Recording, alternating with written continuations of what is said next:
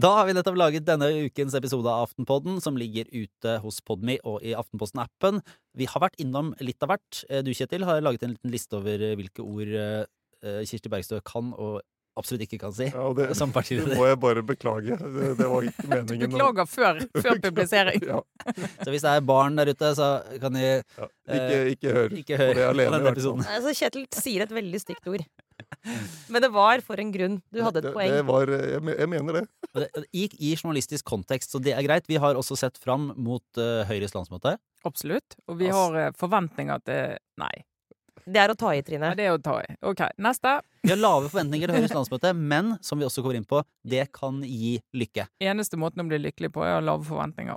Og så har vi faktisk snakka litt om eh, skattedebatt, da. Ja, Vi snakker jo litt om, eh, om eh, overgangen fra landsmøtetale til liksom hverdagspolitisk debatt egentlig tåler dagens lys, og om Kirsti Bergstø gjorde noe veldig smart eller noe veldig dumt når hun gikk ut så hardt som hun gjorde på SVs landsmøte.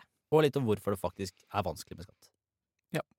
Så denne ukens episode ligger nå klar til lytting hos Podme og i Aftenposten-appen, så løp og lytt. Ha det Eller bra. ryk og reis. Eller ryk og reis.